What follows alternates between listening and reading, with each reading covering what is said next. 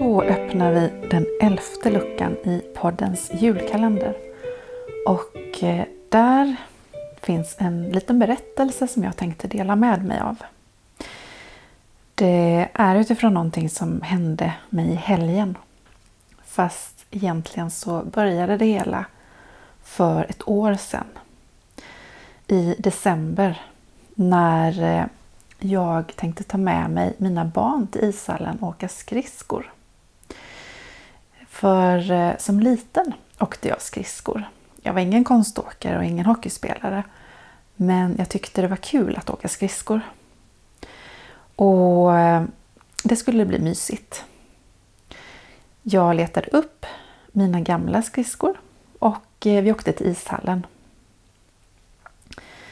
Snörade på skridskorna och kom ut på isen. Och det kändes annorlunda. Det kändes inte bra. Mina ben vek sig. Eh, jag eh, fick ont. Jag eh, lovar att jag såg ut som Bambi på hal is. Jag kan gissa att man såg paniken i mina ögon och jag ville bara gråta.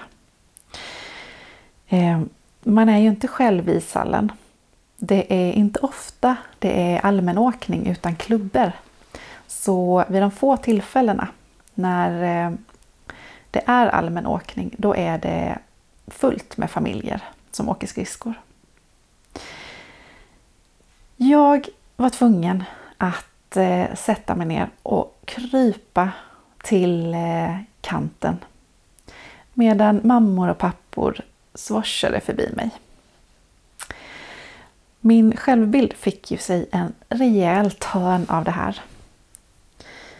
Jag kan inte åka skridskor. Nej, jag är inte en sån. Eh, nu i helgen så ville mina barn åka skridskor igen. Och eh, min man sa att eh, jag kunde köpa ett par nya skridskor. Och jag tänkte, fast det var ju mig det var fel på. Det är ju inte skridskornas fel. Jag är en sån som inte kan åka skridskor. Så är det bara. Men visst, jag köpte ett par skridskor på second hand och eh, jag sa till min man, du får följa med för du kommer att eh, behöva släpa in mig från isen. Vi åkte till ishallen och snurrade på skridskorna och eh, jag åkte. Jag var förbluffad.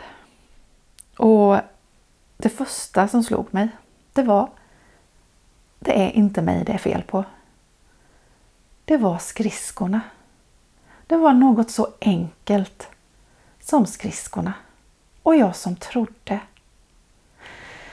Det kan ju ha varit så att de där gamla skridskorna hade tjänat ut sitt syfte. Att eh, de inte var slipade eller något. Inte vet jag. Men jag kan åka skridskor. När vi eh, lyckas och misslyckas i våra liv, då tillskriver vi anledningen till att det gick som det gick. Ibland på oss själva. Det berodde på mig. Och ibland till omgivningen. Det var ingenting som jag kunde styra över. Det kallar vi attribution. Och när vi ser på andras lyckanden och misslyckanden så gör vi också så. Men det blir eh, väldigt olyckligt när eh, det inte beror på personen, misslyckandet. Utan när anledningen ligger i eh, omgivningen istället. När eh, det är så att personen hade behövt rätt förutsättningar för att lyckas.